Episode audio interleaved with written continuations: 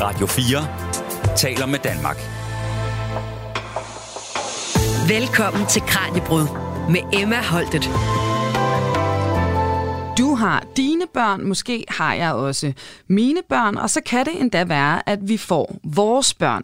Og hvordan er det så lige, det kommer til at fungere? Det søger vi svar på nu, for flere og flere af os danskere lever nemlig i sammenbragte hjem. Men med andengangsfamilien følger der også en særlig række udfordringer. For som vores ekspert i dag pointerer, familien stopper ikke ved døren. Nej, i den sammenbragte version er også ekser og deres familie, venner, hverdag, økonomi, vaner og traditioner en del af den nye families virkelighed. Så hvor går det oftest galt i de sammenbragte relationer? Hvad kan du gøre for at få din andengangsfamilie til at holde sammen og få en rar og velfungerende hverdag? Og hvad med den juridiske virkelighed? Hvad skal andengangsfamilien være særligt opmærksom på, når det kommer til familie og arveret? Alt det her og mere til, det dykker vi ned i nu. Velkommen her til dagens Kranjebrud. Du lytter til Radio 4. Og vores ekspert i dag, der er med os på en online-forbindelse, det er psykoterapeut og afdelingsleder ved Center for Familieudvikling, Søren Markusen. Søren, tusind tak, fordi du være med. Tak, fordi jeg må være med. Og, øhm, og så lad os lige springe ud i det. Altså, hvor øh, almindeligt er det her i Danmark, at man er en del af en andengangsfamilie eller en sammenbragt familie? Jamen altså, vi siger tit, det er den næst mest almindelige familieform i Danmark. Den er kun overgået af det, man kalder førstegangsfamilie. Øhm, og det giver lidt sig selv, at når vi har haft så høje skilsmissetal i mange år, hvor næsten 48 procent øh, af, alle par førstegangsfamilier opløses igen, og det vi så ser, det er, at rigtig mange søger tilbage og skaber nye familier, at der bliver simpelthen øh, flere og flere øh, af de her familier. Så vi må nok forvente, at øh, om ikke den bliver lige så stor som førstegangsfamilien, så bliver det i hvert fald ved med at være den næststørste familieform, vi har i Danmark, og måske overhaler den den faktisk også i antal på et eller andet tidspunkt. Altså det er, det er altså virkelig, virkelig noget, man kan sige, der er øh, relevant for rigtig mange øh, danskere. Øhm, hvor mange af de her sammenbragte familier går så desværre i stykker? Ved vi det? Ja, altså stadigvæk øh, er vi ikke sådan helt skarpe på dansk statistik og dansk tal. Men når vi har kigget sådan både til Norden, og vi kigger også til USA, som er nogle af de steder, vi har kigget på, så siger vi i hvert fald, at skilsmisseraten for de her familier er højere. Mm. Og der, hvor vi tit har talt, at den ligger sådan omkring 45 procent i Danmark for førstegangsfamilie, så er der mere ved at tale om, den måske er i nærheden af 60 procent. Men rigtig meget kommer jo også ligesom an på, hvornår tæller man, du ved, en andengangsfamilie fra.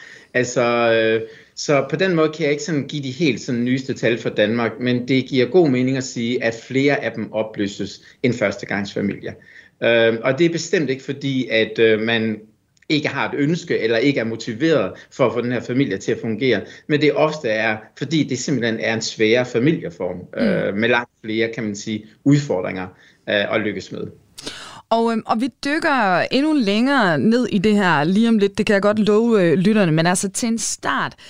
Kan vi lige sådan helt kort ris op, hvad er oftest problemerne så i andengangsfamilien? Altså hvor går det galt? Jamen kort fortalt kan man egentlig sige, at de har haft en tendens til at sammenligne sig med førstegangsfamilien. Så den dominerende fortælling eller billede af, hvordan skal en familie fungere og hvad er en god familie, er på en måde førstegangsfamilien. Så nogle gange så siger jeg, at det er det billede, vi har hængt øh, i vores hjem, og det er det billede, vi har af den. Og fordi det ikke er en førstegangsfamilie, og det vil sige, fordi den er anderledes på en lang række områder, så er det at forsøge at blive som en førstegangsfamilie, det er så at sige nogle gange opskriften til ikke at lykkes.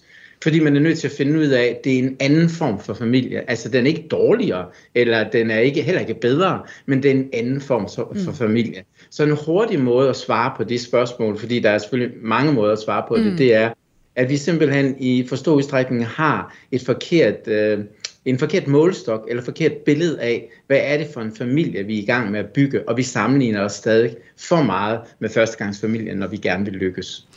Og som vi hører, altså du siger jo netop også, det, det er en ny virkelighed. Det er ikke sådan som den første familie, man havde. Det er noget nyt, man skal forholde sig til, og der kommer altså også, som vi øh, har været inde på, altså en række nye problemstillinger i den forbindelse. Ikke? Er de her sammenbragte familier eller andengangsfamilierne så også gode til at række ud og bede om hjælp, når det ikke fungerer? Ja, altså det er virkelig et, øh, vi har, nu har vi arbejdet med den her familieform i kortest tid. Vi har arbejdet med førstegangsfamilien hen øh, ved 20 mm. år, vi har arbejdet med den skilte familie i sådan cirka øh, 12-15 år, og så har vi arbejdet med den her familieform øh, 3-4 år. Og noget af det, som har været tydeligt ved os, det er, at majoriteten af dem, der søger for eksempel vores endagskurser, de har været sammen under tre år. Øh, så på den måde er der meget, der tyder på, at dem, der starter de her familier tidligere, ser, ah, her er godt nok noget, der er mm. vanskeligt. Og faktisk, måske også fordi man netop har haft et brud med for tidligere, tænker, det gider vi ikke at ende i igen, så er man hurtigere. Så når vi ser for eksempel vores sådan, øh, folk i førstegangsfamilier, der søger hjælp, så er det langt ofte længere ned ad vejen. Det er efter 7, 8, 10 år, eller endnu længere, og det er ofte, når problemerne er blevet meget, meget store. Så jo, der er heldigvis måske et tegn på, at de her familier faktisk har øje for, der er noget, der er svært, lad os prøve øh, at søge øh, hjælp øh, tidligere. Mm. Og øh, der er noget øh, ved det her, der er ret afgørende, nemlig mm. at rigtig mange af de her problemer faktisk er forudsigelige. Altså det er de samme problemer, de her familier de ender ud i. Mm. Men vil det så også sige, Søren, at de sådan set altså formentlig kan forhindres, mange af de her brud, der så sker ude i, i de sammenbragte hjem? Ja. Ja, ja, og det er en af vores, det er sådan en af vores kongstanker og hovedbudskaber, det er, at der er mange forskellige måder på en måde at blive lykkelig på. Man kan godt bygge forskellige typer mm. af sammenbragt familier, de kan se ud på forskellige måder, men der er nogle grøfter for den her familieform. Og hvis man lander i dem, så er det statistisk set simpelthen øh, langt større sandsynlighed for, at du på en måde ender med et brud. Så hvis man kunne blive bevidst om nogle af de særlige udfordringer eller de grøfter igen, og med den bevidsthed på en måde aktivt forsøge at gøre noget ved det, mm. så vil man simpelthen, jo, så vil man løfte sandsynligheden for, at vi ikke behøver at ende der, hvor det bliver et brud. Så jo, vi siger faktisk, jamen vi kan ikke sige, hvordan I skal lykkes, fordi det er der mange forskellige måder, men vi kan godt sige nogle sikre veje til ikke at lykkes, og det at være bevidst om dem og prøve at undgå dem, det vil optimere sandsynligheden for, at I lykkes øh, med jeres projekt Sammenbragt Familie langt øh, oftere øh, end hvis I ikke gør det. Mm. Og det har vi ikke sådan bare, kan man sige, dansk tal for. Altså den forsker, vi mest har arbejdet med, sådan på international plan, der hedder Patricia Papernow, hun siger øh, det samme. Hun siger, at de tre første år af den sammenbragte familie, så er der nogle af de her grøfter, man kan falde i. Hvis man falder i dem og ikke får hjælp til at komme op af dem igen, så lykkes man ganske simpelthen ikke. Men hvis man opdager dem og finder ud af dem og prøver at håndtere dem på nye måder, så optimerer man simpelthen sandsynligheden for at lykkes. Så kommer man over de første tre år, og kommer man ikke ned i de der julespor mm. eller grøfter igen, jamen, så er der langt større sandsynlighed for, at du lykkes. Så det, det er noget af det, vi prøver at sætte meget fokus på. Hvad er det, de skal prøve at undgå? Mm. Hvad er det, de skal prøve at være bevidst om, som kan være særlig udfordrende igen? Og så er der faktisk en ret stor sandsynlighed for, at man bedre kan lykkes.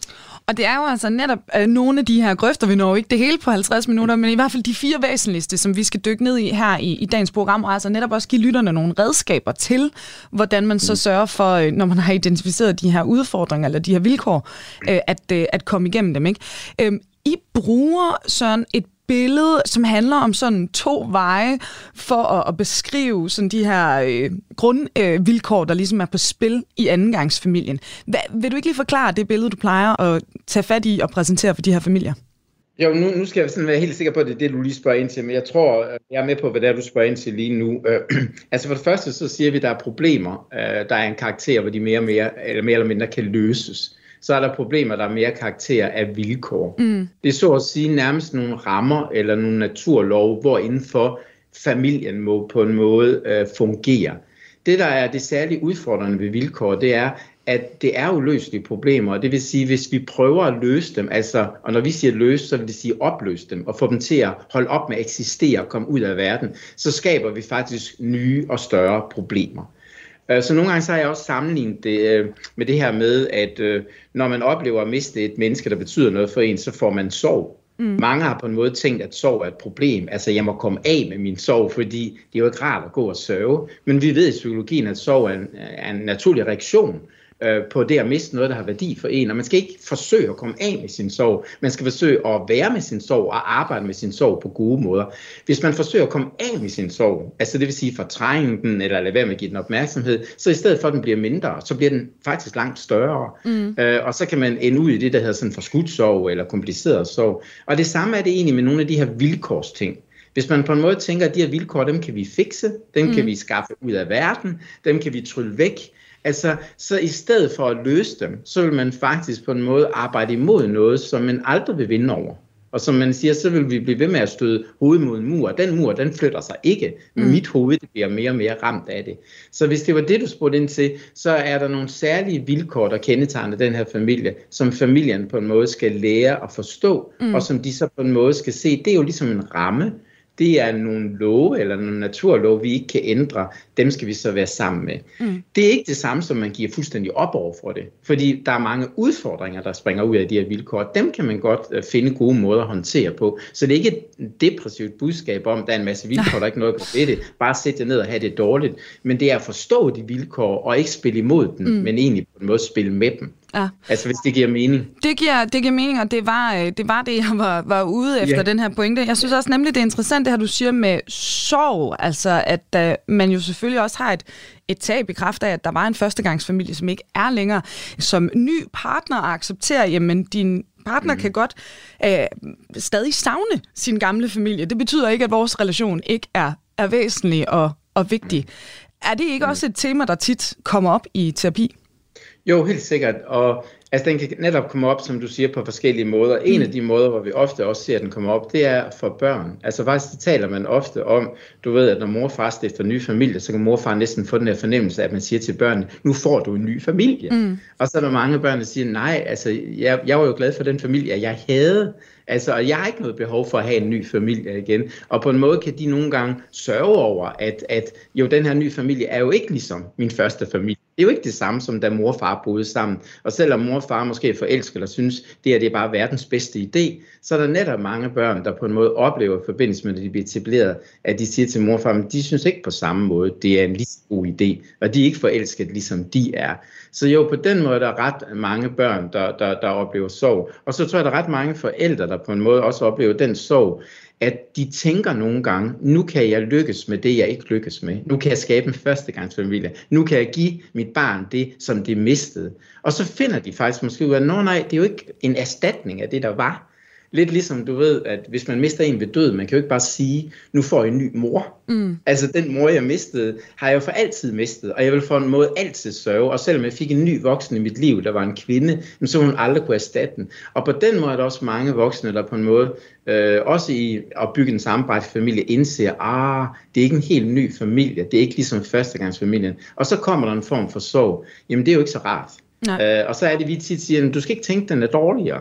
Du skal bare tænke, den er anderledes, mm. og der er nogle af de forventninger, du havde, du måske skal reducere. Så jo, både børn og voksne kan opleve nogle gange tab eller sorg forbundet med den her familie. Øh, og det tror jeg også er noget af det, der er svære. Fordi mm. så kan man få den der fornemmelse af, ikke at være lykkes. Det her er lidt mindre godt, eller lidt en fiasko, eller sådan noget, det gør. Du lytter til Kranjebrud på Radio 4. Og øh, til nye lyttere, der er kommet til undervejs, i dag der zoomer vi ind på den sammenbragte eller andengangsfamilien og dens særlige udfordringer. Og derfor har vi besøg øh, online her i dag af psykoterapeut og afdelingsleder ved Center for Familieudvikling, Søren Markusen, der altså er med som vores guide. Og Søren, nu har vi brugt de her betegnelser sådan øh, lidt i flæng, ikke? altså sammenbragt familie, andengangsfamilie osv. Lad os lige dykke endnu længere ned i det her. Altså, hvad kendetegner egentlig andengangsfamilien, og også hvilke forskellige typer er der? Jamen allerførst kan man egentlig sige, at det, der er kriteriet for at kan kalde det en andengangsfamilie eller en sammenbragtsfamilie, det er, at mindst en har børn med for tidligere. Mm. Så hvis bare en i den her nye relation har børn med for tidligere, så er det en sammenbragt familie. Men så siger man egentlig, at der er fire former af den. Der er jo så den, hvor en har børn med for tidligere, det hedder den anden ikke. Så er der den, hvor vi begge har børn med fra tidligere. Altså, så nu er der både dine og mine børn. Og så er der den, hvor vi på en måde også får børn sammen. Så det vil sige, nu er der mine, dine og vores børn. Så er der den fjerde også, og det er, at jeg har børn med fra tidligere, men det havde du ikke, men vi får et barn sammen. Altså, så på den måde kan man sige, der er i hvert fald en, der har børn med fra tidligere, men så kan der være flere forskellige typer børn, der kan ligges til øh, i de uh, sammenbragte familier. Så på den måde kan man også godt sige, at en sammenbragt familie kan også nogle gange være vigtigt at sige, at er vi sådan en, hvor kun en af os har børn med for tidligere? Er vi sådan en, hvor vi begge har? Mm. Eller har vi også fået børn sammen? Fordi øh, de ligner hinanden på nogle måder, men der er også nogle problemer eller nogle komplikationer, som kan se forskelligt ud, alt efter om man er, kan man sige så at sige, en mere simpel, som vi nogle gange siger, sammenbragt familie, for det er kun en, der har børn med tidligere, eller vi begge har, og vi også har fået børn sammen. Og, og hvordan adskiller, altså det er jo nok en kompleks størrelse det her, det ved jeg godt, men sådan lidt, lidt for simpelt sagt, ja. altså hvordan adskiller så den her sådan simple sammenbragte familie sig fra mm-hmm. den her sådan meget komplekse, hvor jo, altså der er nærmest både at tale om en anden og en førstegangsfamilie, ikke? På, mm-hmm. på en og samme tid. Hvordan adskiller mm-hmm. de sig fra hinanden? Ja, Jamen for det første, så kan man sige, at i den mest simple form med, at far har børn med for tidligere, mor har ikke, eller kvinden har ikke med igen, så er der særlig en dynamik, der udspiller i den form for familie. Og det er så at sige, at der er en enhed, der er etableret på forhånd mellem nogle børn og en forældre. Øh, og det vil sige, at mange af dem, der kommer ind i den, de oplever faktisk noget, vi kalder sådan fastlåst outsider. Mm. At de kan på en eller anden måde opleve, at den her nye familie, som jeg bliver en del af, der er det lidt ligesom mig, der er gæsten, eller den fremmede, eller den nye, der kommer ind i et system, der allerede var der. Så rigtig mange i den her sådan mest simple form øh, for det igen, de taler om det der med, hvor meget de kæmper, altså bonusforældrene, hvor meget de kæmper med egentlig at føle sig som en integreret del af den. Så jeg, for lang tid siden, så havde jeg sådan en, en familie, hvor far havde børn med for tidligere, det havde hun ikke. Og noget af det, hun sagde, øh, hans barn var så ved, ved dem øh, syv øh, ud af 14 dage, at når hans datter kom over til dem, så var det faktisk sådan, at den første weekend, der begyndte hun mere og mere at lave aftaler med veninderne og andre. Fordi på en måde følte hun egentlig, når datteren kom hjem, at så mærkede hun igen, jeg er jo ikke virkelig en del af det her. Det er jo mm. lidt ligesom, jeg er udenfor. Det er ikke mig, hun kommer hjem til. Det er ikke mig, hun glæder sig til at se. Det er ikke mig, hun ønsker at sidde op af og snakke med igen. Så hun begyndte at trække sig mere og mere, hvor hun ligesom tænkte, hvor føler jeg mig egentlig udenfor, fordi at øh, jeg er den, der ikke har børn med for tidligere. Så det er for eksempel noget af det, der kendetegner den øh, form for familie, jeg gør. Øhm, og så kan man godt sige, som du egentlig også var inde på, at der hvor vi begge har børn med for tidligere, og vi egentlig også får børn sammen, så er der helt klart også nogle sådan, altså der er jo rigtig mange typer børn, der er mm. både dine og mine, øh, og der er vores. Altså der er nogle børn, der bor her 24-7, der på en måde er en del af en førstegangsfamilie, og hvor de andre børn egentlig også fornemmer det. Vi jo sådan har nogle dage, og så er vi her ikke. Men her er jo et barn, der er her begge dage. Det har både sin mor og far, men jeg har jo kun min far her, mm. eller jeg har kun min mor her igen. Så på den måde kan man sige, den der, hvor der både er dine, mine og vores, den kalder man ofte den mest komplekse, fordi der er forskellige typer af børn. Og derfor er der også flere ting, der på en måde kan blive svært. Øh, så der er jo ikke en, der på samme måde føler sig udenfor nødvendigvis. Ikke? Men, men, men, øh, men øh, der er der så mange andre ting og følelser, der på en måde kan blive udfordret. Altså i forhold til, hvis vi nu tager fat i den simpleste form, ikke? hvor der er ja. en, der har børn, og der kommer en ind i, i parforholdet uden børn. Er, mm. er der forskel der på, om det er en mand eller en kvinde, der kommer ind i familien med de her børn, eller er det stort set de samme udfordringer, der opstår? Både sådan ja og nej. Øh, på den ene side, så kan man se, at der er stadigvæk i dag, du ved, mor spiller i førstegangsfamilien en mere sådan central rolle, også omkring omsorgsopgaver øh, over for børn, end far ofte gør. Mm. Og det vil sige, at når øh, kvinder kommer ind i de sammenbragte familier og ikke har børn med for tidligere, så kan der nogle gange være næsten en større forventning om, at jeg skal blive en meget central figur i de børns liv. Fordi jeg er jo en mor, jeg er jo sådan mm. en, der driver omsorg igen. Og det vil sige, at nogle af de udfordringer, de kan få, det er, jamen de er jo ikke deres biologiske mor. Mm. Og, og måske er, er det tydeligt, også især i starten, at barnet har på en måde et behov for at sige, nej, du er ikke min mor. Jeg ønsker ikke, du skal være tæt på. Så jo, vi ser, øh, du ved, da vi startede det her arbejde, så fandt vi ud af, at i Danmark, så er der godt nok mange uh, grupper af bonusmødre. Mm. Altså mødre, der mødes med andre mødre om det at være bonusmor, og snakker om, hvor svært det egentlig er altså at være i den rolle. Så på den måde, så tror jeg godt, at man kan sige, jo, for nogen kvinder er det sværere at komme ind, især hvis man ikke har haft børn med for tidligere, og så skulle være en morfigur ind i den verden, fordi øh, af de grunde, jeg lige har forklaret. Mm. Og, øh, og lige om lidt, der, der dykker vi altså ned i øh, de her grundvilkår og de her grøfter, som vi har omtalt, og også hvad vi altså kan gøre for så at sørge for at komme igennem dem, når man øh, står i den sammenbragte familie. Lige nu, der skal vi så kigge på et øh, andet, men også vigtigt aspekt, for der er altså meget at huske og tænke på som sammenbragt familie, også i forhold til sådan noget som økonomi og jura, og netop den her del, den zoomer vi altså ind på nu. Anne Broksø er advokat med speciale i familie- og arveret, og hun fortæller her, at der altså særligt er tre punkter, som familierne de skal tænke på. Der er mange spørgsmål, der er vigtige, men i forhold til økonomien, så kunne tre rigtig gode spørgsmål være at sige, hvordan ønsker vi, at vores økonomi skal være, mens vi lever sammen? Hvordan synes vi, at vores økonomi skal være, hvis vi går fra hinanden? Og hvordan synes vi, at vores økonomi skal være, når en er stør? Er det svære spørgsmål at svare på? Mm, ja, det er tit svære spørgsmål at svare på, men i virkeligheden er det sværeste nok at få dem stillet. Folk er ikke så gode til at øh, fortælle om økonomi, især ikke folk, der sådan er i den yngre ende af øh, spektret. Og øh, det kan være svært at sige til sin samlever, jeg vil gerne have, at vi skal drøfte, hvordan vi er indrettet økonomisk, hvis vi går fra hinanden. Fordi det, den anden hører, er, vil du gerne gå fra mig? Øh, og det er måske ikke det, man siger. Man siger bare, jeg vil bare rigtig gerne øh, være sikker på, at vi har styr på det her. Ikke? Jeg har også en bilforsikring, selvom jeg ikke forventer at køre galt. Jeg har en brandforsikring, selvom jeg ikke tror, at mit hus brænder.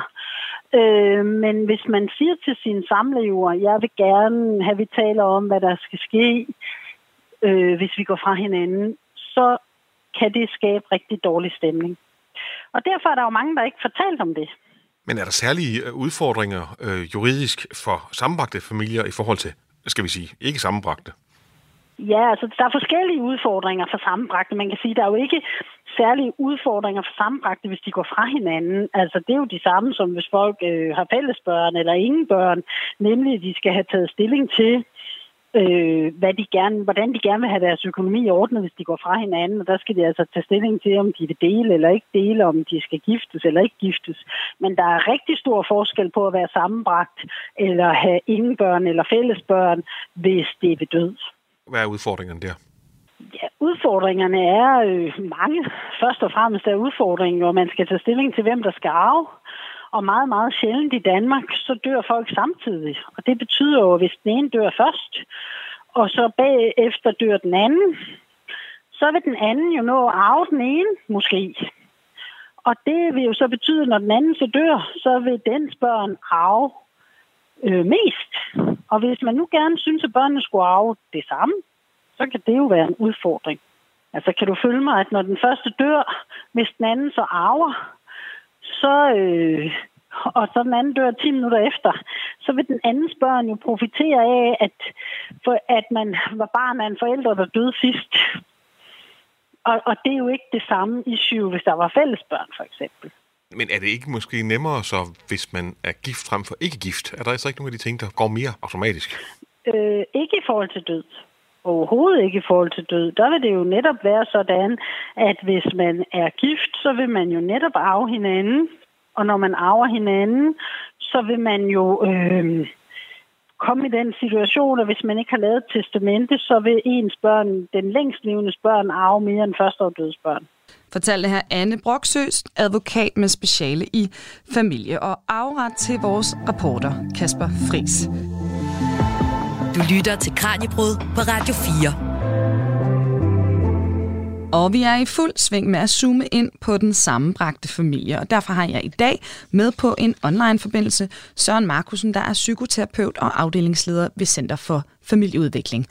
Og øh, Søren, nu øh, har vi altså været inde på det her med, at det er afgørende at se på vores andengangsfamilie i et andet lys end førstegangsfamilien. Så hvad er det altså eksempelvis, vi ikke kan overføre fra den her ene oprindelige familieform til den næste? Mm. Mm.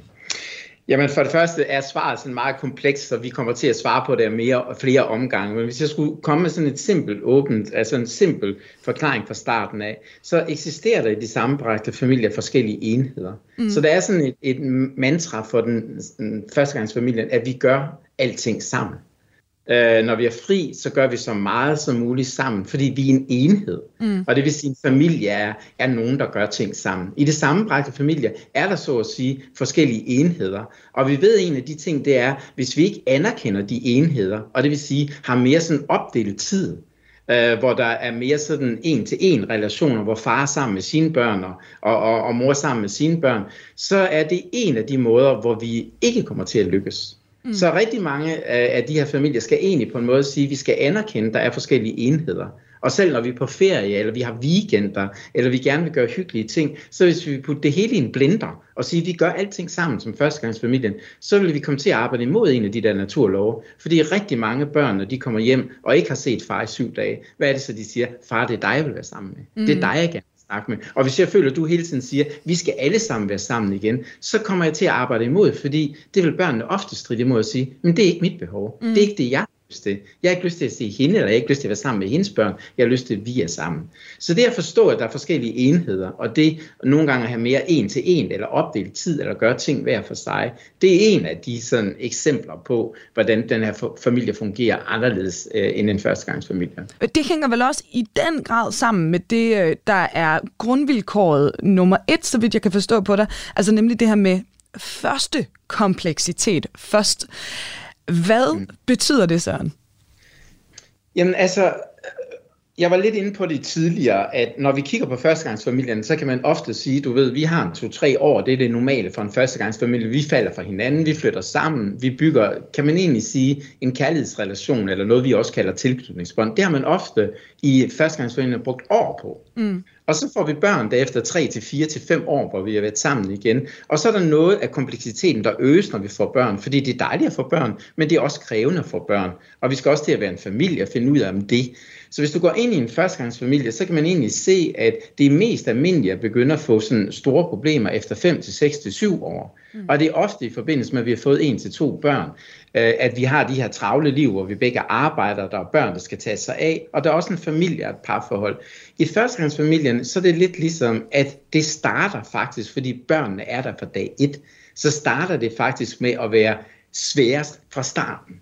Øh, så nogle gange så har jeg sådan karikeret sagt igen, at det er som at starte i første klasse med 6. klasses pensum. Mm. At egentlig har man ikke de der år til at bygge en relation, lære hinanden at kende og blive tryg ved hinanden, og så kommer der nogle børn, og så kan vi begynde sammen at finde ud af at tage os af dem. De er der fra dag et af, og vi skal tage os af dem. Og det er ikke bare sådan, du ved, at det er vores børn det er dine eller mine børn, og det vil sige, det er endnu mere komplekst at tage os af det igen.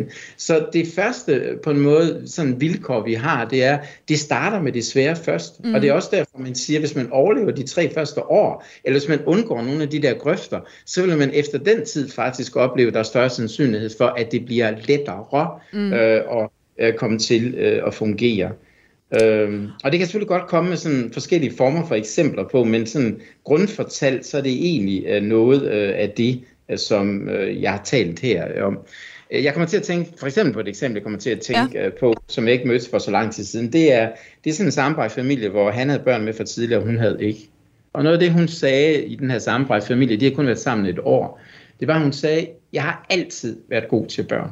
Altså det er hele tiden mit renommé. Min søster og min anden søster har børn. De har børn på alder med det barn, som du har med igen, og jeg har verdens bedste relation til dem igen. Men det er simpelthen været så svært for mig at få den samme gode relation til din datter. Mm. Fordi der er dage, hvor hun siger, du må ikke frisere mit hår. Ved aftensmåltid siger hun, du skal ikke snakke til mig, jeg vil snakke med min far, du skal tige stille. Du må ikke være inde i stuen, når jeg er inde i stuen. Altså alle de her ting. Og et eller andet sted, så kigger hun jo egentlig på mig, og så sagde hun, øh, jeg ved simpelthen ikke, hvad gør jeg galt? Eller jeg plejer altid at være god til det her. Og det er egentlig på en måde at sige til hende, der er højst sandsynligt ikke noget, du går galt.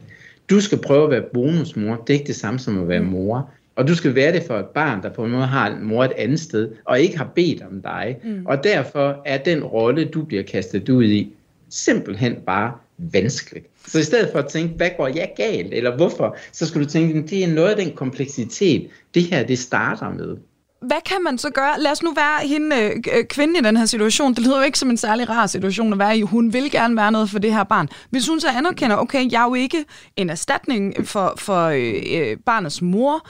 Hvordan kan man så få en god relation, hvis man sidder og får at vide, jeg vil ikke tale med dig nu, jeg vil bare snakke med min far. Hvad kan man gøre i den situation? Jamen det er der, at man siger, det er det, der kender tegner vilkår, det er, at man kan ikke sådan på kort bane flytte dem. Mm. Så øh, det man kunne gøre i den her situation, og det jeg talte med dem om, det var jo, at man kunne gøre barn til et problem. Og man kunne sige, du ved, det er godt nok ikke særlig opdrag. Du skal lære at tale ordentligt. Du skal ikke sige, at hun ikke må se til dig igen. Man kunne se barnets adfærd som en forkert adfærd, der skal rettes. Hvis man vil gøre det, så vil man højst sandsynligt få et større problem. Fordi det, man er i gang med at forstå, det er, at barnet er i gang med at forstå, at der er en anden vigtig voksen inde i mit liv 24-7. Mm. Den her datter, hun sagde for eksempel, eller det sagde datteren ikke, men det sagde faren igen. Øh, I de tre år, vi har været skilt, vi havde en ret svær skilsmisse, så har min datter altid sovet inde ved mig. Og det vil sige, på en eller anden måde, når hun er over ved mig, hun har været vant til at være tæt ved mig. Da vi to fandt sammen igen, så forklarede jeg hende, nu kan du ikke sove inde ved far, fordi jeg har en kæreste, og det er ikke din mor. Og så skulle hun lære det. Og noget af det, som de jo godt forstod, øh, sådan, jo mere vi talte om det der, det reagerer det barn jo på. Var det forkert, det de havde gjort? Faren sagde nogle gange, måske skulle jeg ikke have gjort det så radikalt. Mm. Og måske skulle jeg have fundet en måde, at hvis hun bliver ked af det eller sådan noget, så skal hun have lov til at komme ind. Og hvis du synes, det er for svært, må jeg måske gå ind og sove ved hende og sådan nogle ting. Så øh, det man kunne sige, det er, vi er nødt til at forstå, at barnet ikke er forkert. Øh, og vi er nødt til at ikke at rette på det og sige, nu må du opføre dig ordentligt. Vi er nødt til at forstå, at det er i gang med at vende sig til dig. Og noget af den der afvisning, den du er nødt til ikke at tage personligt, den du er nødt til at tolerere. Så det er jo et sted at starte. Og så det andet sted er selvfølgelig for parret konflikter om det her. I det her tilfælde var det meget, meget sådan, øh, du ved, øh, rørende for mig at høre øh, manden sige mange gange igen, det er virkelig en svær rolle, du har. Jeg er simpelthen så ked af det. Jeg ved, hun holder af dig et eller andet sted, men jeg kan også se, at hun afviser dig. Så han var enormt støttende. Hvis han nu var blevet mere kritiserende, jamen du går også forkert til hende, eller du skal selvfølgelig ikke tale sådan der igen, så kan du godt se, at der kan komme en masse problemer. Mm. Og så hvis jeg skulle gå til hende i det, altså kvinden i det igen, så tror jeg, det mest hun forstod igen, det er, at jeg gør ikke noget forkert. Jeg er bare nødt til at være tålmodig. Det relaterer sig jo sådan til det andet grundvilkår, vi også skal tale om, øh, nemlig det her med forskellighed i forhold til tilknytningsbegrebet netop i, i de her familier. Ja. Øh, hvad ja. vil det sige sådan i lidt mere øh, lægemands sprog? Ja, Jamen noget af det, som vi på en måde skal forstå, og det er rigtig nok det der med tilknytningsbånd, det er sådan et meget svært begreb igen, men noget af det, vi skal prøve at forstå, det er, at den relation børn og voksne i de her familierelationer skaber til hinanden. Altså vi siger jo egentlig, at den første familie er kendetegnet med, at alle elsker alle. Mm og alle elsker alle på et eller andet sted samme måde igen. De to voksne har været der, for barn kom ind i verden, og de to-tre første år har det borden skiftet blæ, trøstet dem, stået op om natten, og der i al den tid og periode er der opstået det, der hedder ikke bare et kærlighedsbånd, men et tilknytningsbånd. Båndet er blevet trygt tilknyttet ved nogle voksne, de har lært at kende. Når man starter den her familie, så er de bånd jo vidt forskellige. Mm. Og det vil sige, at øh, de steder, hvor de er jo vidt forskellige, det er, at bonusforældrene, eller ekstra, eller pap, eller hvad vi kalder dem igen, deres bånd til øh, den anden partners børn, er fra dagen af ikke gode. Ikke tilknytningsbånd. Undskyld, ikke gode, men ikke tilknytningsbånd. Mm. Så mange af dem, de siger sådan her til os, jamen da vi var kærester, da vi var sammen i weekenderne, så havde vi jo det hyggeligt. Det var ikke ligesom, de afviste den anden ikke biologisk forælder, men det var da vi flyttede sammen. Jamen det er jo fordi, nu er I flyttet sammen. Nu er det noget helt andet. Nu er de der ikke sådan, du ved, en gang imellem, som gæster er, eller ens familie, eller ens bedsteforældre. Nu er de der 24-7. De er der, når jeg står op om morgenen og sådan nogle ting. Og det vil sige, når de bånd ikke er der, altså, og det er ikke nogle bånd, man lige bygger over natten, så skaber de en del af de udfordringer. Øh, og sådan to sådan meget klassiske steder, vi kan se, det er jo, børn kæmper meget med, men jeg elsker faktisk ikke hende på samme måde, eller ham. Det er ikke min mor.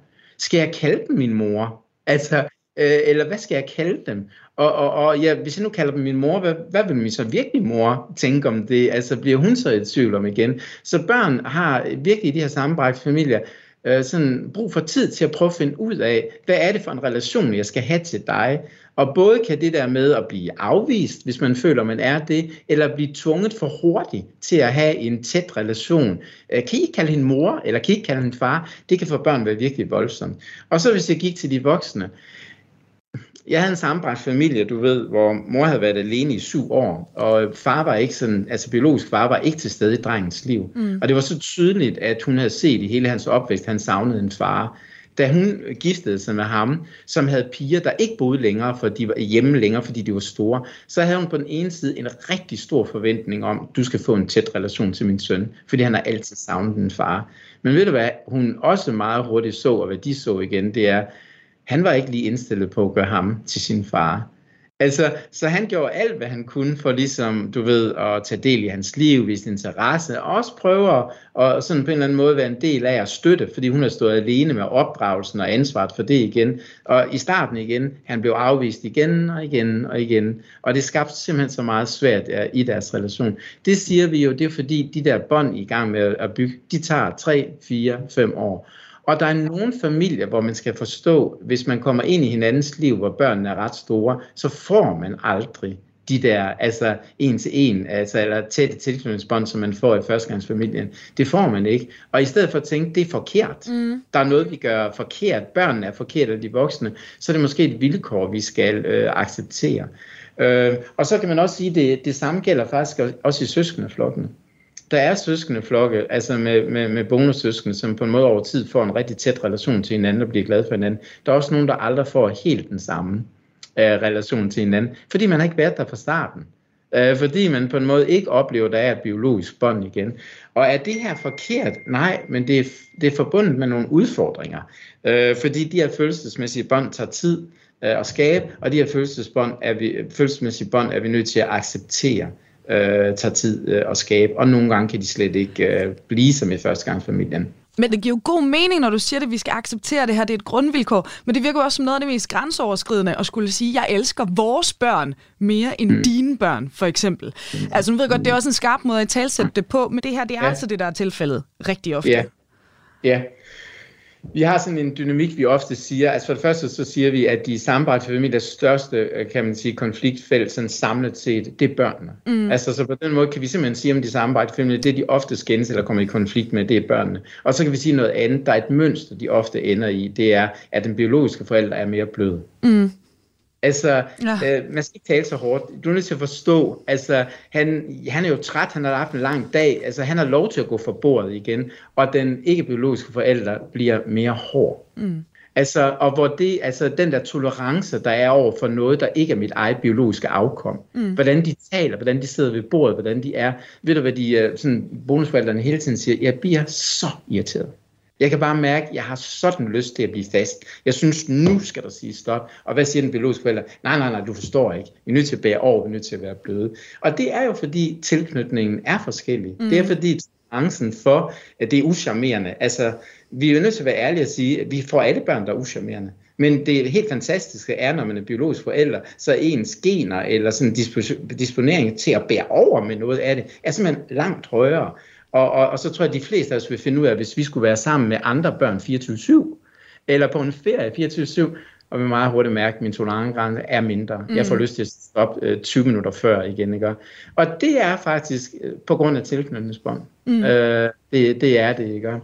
Og så kunne jeg på at give dig et andet eksempel. Noget af det, man siger, der gør, at man kan opdrage. For det første er det vigtigt at sige, at vi opdrager ikke vores børn de første tre år stort set. Mm. Jo, det kan godt være, at vi siger, at de ikke må vælte vaser og sådan noget. Vi viser kærlighed, vi viser omsorg igen. Og det vil sige, når vi egentlig afgørende begynder at være mere sådan korrigerende, eller retningssættende, eller rammesætning for børn igen, så det er fuldstændig tryk på, at vi elsker dem. Det, det er aldrig i spil. Så når du siger til mig, sid ordentligt, og mm. du skal læse de her lektier og sådan nogle ting, så er det aldrig i spil, elsker du mig, ikke elsker du mig. Ved du, hvad mange af de her børn siger, de her familier igen? Hvis der er en ikke-biologisk forælder, der retter på dem igen, så siger de grundlæggende, ja, nogen gange i tvivl, om de virkelig kan lide mig. Mm. Altså, om, ja. de, om de virkelig synes jeg, altså om de virkelig har den der form for kærlighed, som man har fra forældre til børn igen. Og det vil sige, når de retter mig, eller i tale så føles det langt mere som kritik. Ja. Det bliver meget mere personligt igen. Det er vilkår. Det er på grund af de her tilknytningsbånd. Det kan vi ikke lige sådan ændre på natten over. Og, og når jeg siger, at nogle gange kan det blive, så er der ting, der tyder på, at går børn ind i de her familier, når de er et og to år gamle, så kan de faktisk få ret til det bånd. Mm. Altså både til deres biologiske forældre, men også til deres nye forældre. Men jo senere man møder dem ind, skal man måske forvente, at de her bånd bliver andre vigtige voksne, bare ikke en tilknytningsperson, bare ikke en, en ny mor eller en ny far. Du lytter til Kranjebrud på Radio 4. Og til de lyttere, der er kommet til undervejs, vores ekspert i dag, det er Søren Markusen, der er psykoterapeut og afdelingsleder ved Center for Familieudvikling. Og øh, Søren, nu skal vi altså som sagt dykke ned i det tredje grundvilkår i andengangsfamilien. Familien mm. slutter ikke ved døren. Jeg nævnte det også helt i starten yeah. af programmet. Altså kort fortalt, hvad går det her ud på? Jamen altså, helt kort fortalt, så kan man sige, vi har nok forstået igen, at når jeg siger ja til dig, og du har børn, så siger jeg ja til dine børn. Mm.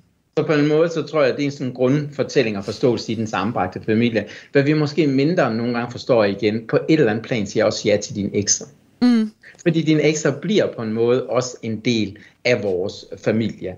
Og hvis jeg sådan skulle prøve at forklare det, så kan man sige, der er jo ikke nogen tvivl om, at er der en højkonflikt skilsmisse, og jeg bliver en, kommer ind i en ny relation med en, der lever i konflikter med ens ekstra igen, det præger vores familie helt vildt mm. meget. Mm.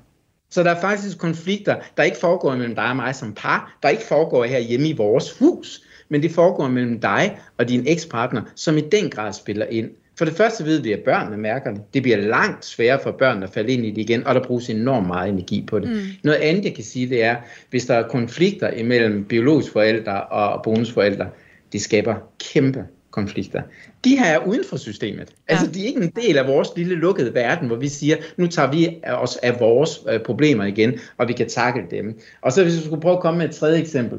Hvis der er nogle af de her børn i den her familie, altså dine børn, som mm. på en måde får det virkelig svært, de kan ikke trives i skolen, eller der er en diagnose og sådan nogle ting, så er der et ansvar for dem, vi to ikke har bare alene. Men du skal vende dig væk fra mig. Ja. Så nu er det ikke, fordi du har konflikt, men du skal prøve at løse det med en anden forælder.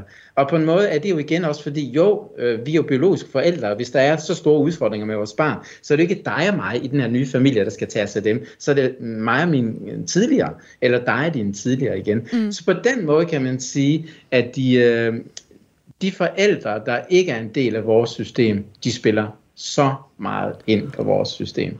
Og i forhold til det her, fordi det fjerde øh, vilkår, som vi skal snakke om, det er det her med, at man ja. bygger en ny familiekultur oven på en eksisterende, mm. og det antager jeg også tit kan være roden mm. til, til konflikt, ikke? Altså det her med, der er jo en familie, der har deres måde at spise på, og være sammen på, og tale på, og alt muligt andet, og det skal jo så tages med ind. Kan vi få et eksempel på, hvordan det her, det er sådan, øh, fordi nu har vi været meget inde på børnene, hvordan kan det her ramme dem, hvis vi ikke sørger for, at for eksempel sådan noget som små hverdagstraditioner osv., altså at vi tager dem med ind i den nye familie?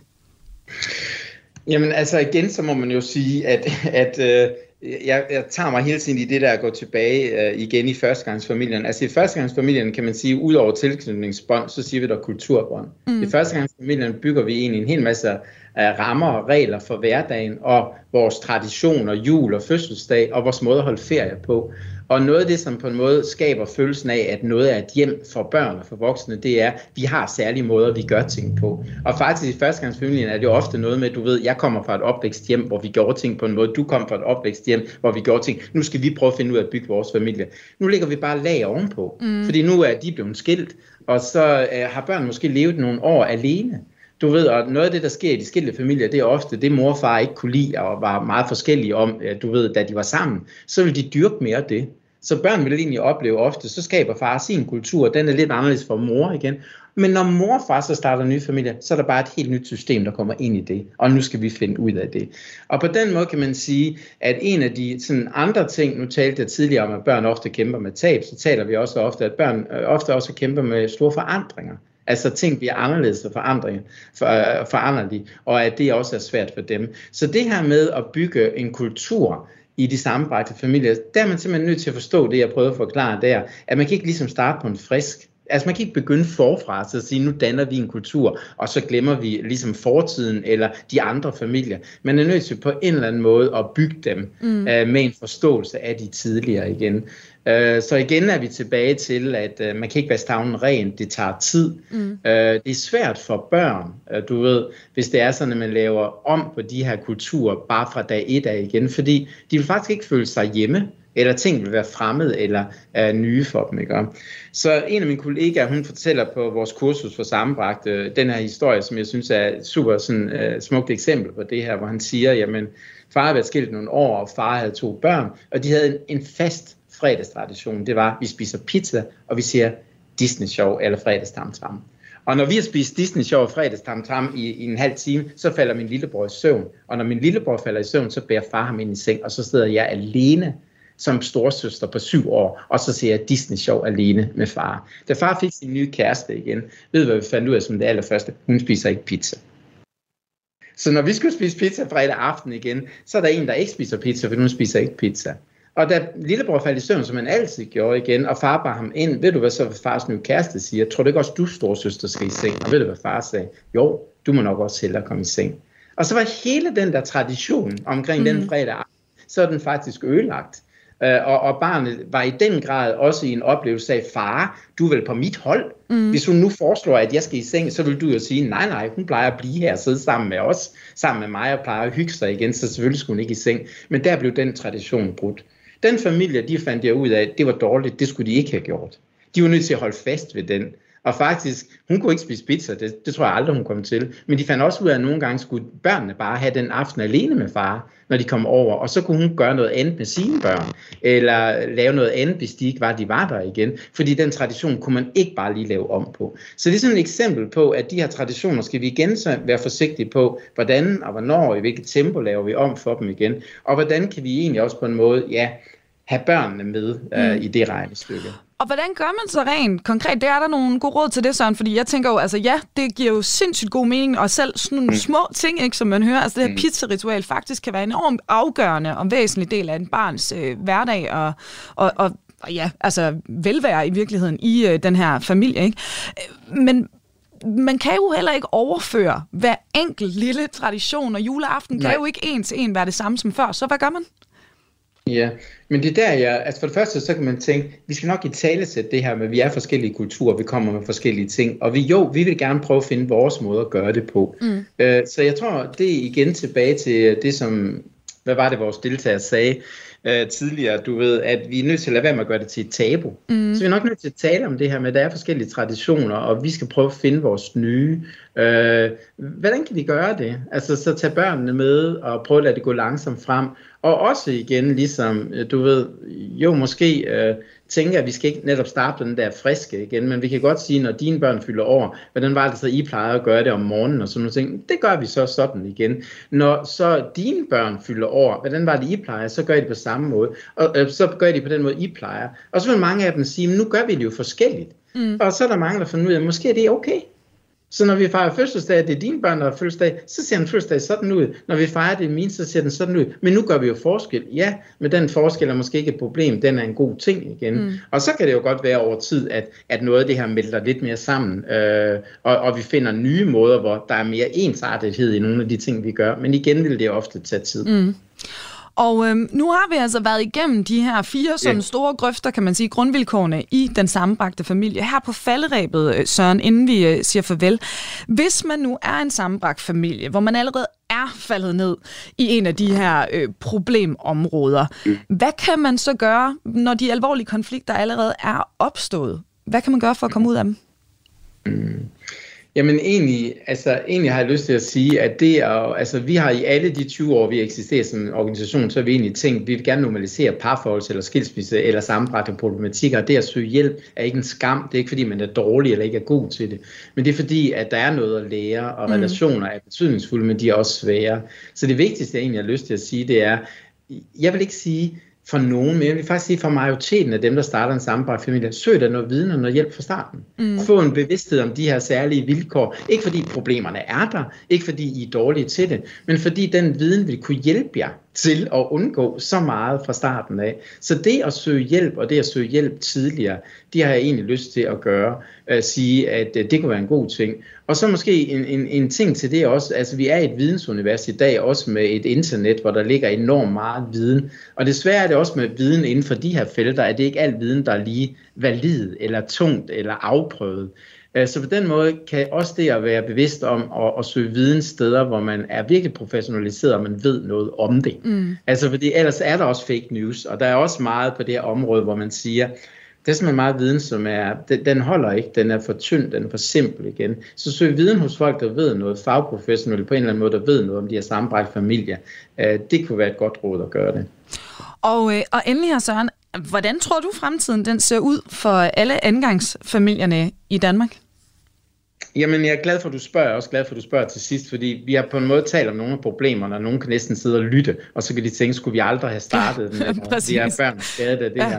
Og på en eller anden måde har jeg virkelig lyst til at sige, det at lykkes med en sammenbragt familie, det er at skabe en god sammenbragt familie, hvor børn og voksne øh, trives igen. Det er i den grad muligt. Mm. Det tager lidt længere tid, men det er i den grad muligt. Så på den måde har jeg egentlig lyst til at sige, jeg tror, at fremtiden for de samarbejdfamilier er lys. Jeg tror, vi kan skabe rigtig mange gode, nye samarbejde familier. Øh, vi skal bare kende nogle af de her vilkår, og vi skal bare have tålmodighed til at bygge dem igen. Så på den måde har jeg lyst til at sige til dem, der har hørt programmet, der er en del af en samarbejdsfamilie, du skal på ingen måde tænke, at jeg gør mine børn skade, eller er i gang med et projekt, som ikke kan lykkes, eller som er dårligt, eller noget, noget anden rangs. Det kan blive en rigtig, rigtig god familie, og det kan blive betydningsfulde andre voksne i børnenes liv, som de kan og det kan blive betydningsfulde søskende relationer, man får til bonussøskende, som man kan tage med sig resten af livet. Så jeg ser en lys fremtid øh, for de her familier. Jeg har lyst til at sige, dem der er en del af den, øh, gå derud af og få det til at lykkes, øh, fordi det øh, har børnene brug for, og det har I brug for. Og med de opløftende ord, der er det altså alt fra den her omgang af Kranjebrud. Vores ekspert i dag, det har altså været Søren Markusen, der er psykoterapeut og afdelingsleder ved Center for Familieudvikling. Søren, tusind tak, fordi du vil være med her i dag. Tak fordi jeg måtte deltage. Og øh, til dig, der lytter med, vi er tilbage i morgen, hvor vi tager ud af studiet og til Danmarks ældste by for at blive klogere på jagtmotiver og jægerens særlige status igennem de sidste 200 års dansk kunsthistorie. Men Indtil da, der er der ikke andet tilbage end at sige tak, fordi du lytter med. Mit navn er Emma Elisabeth Holtet, og Kranjebrud er produceret af Videnslyd for Radio 4.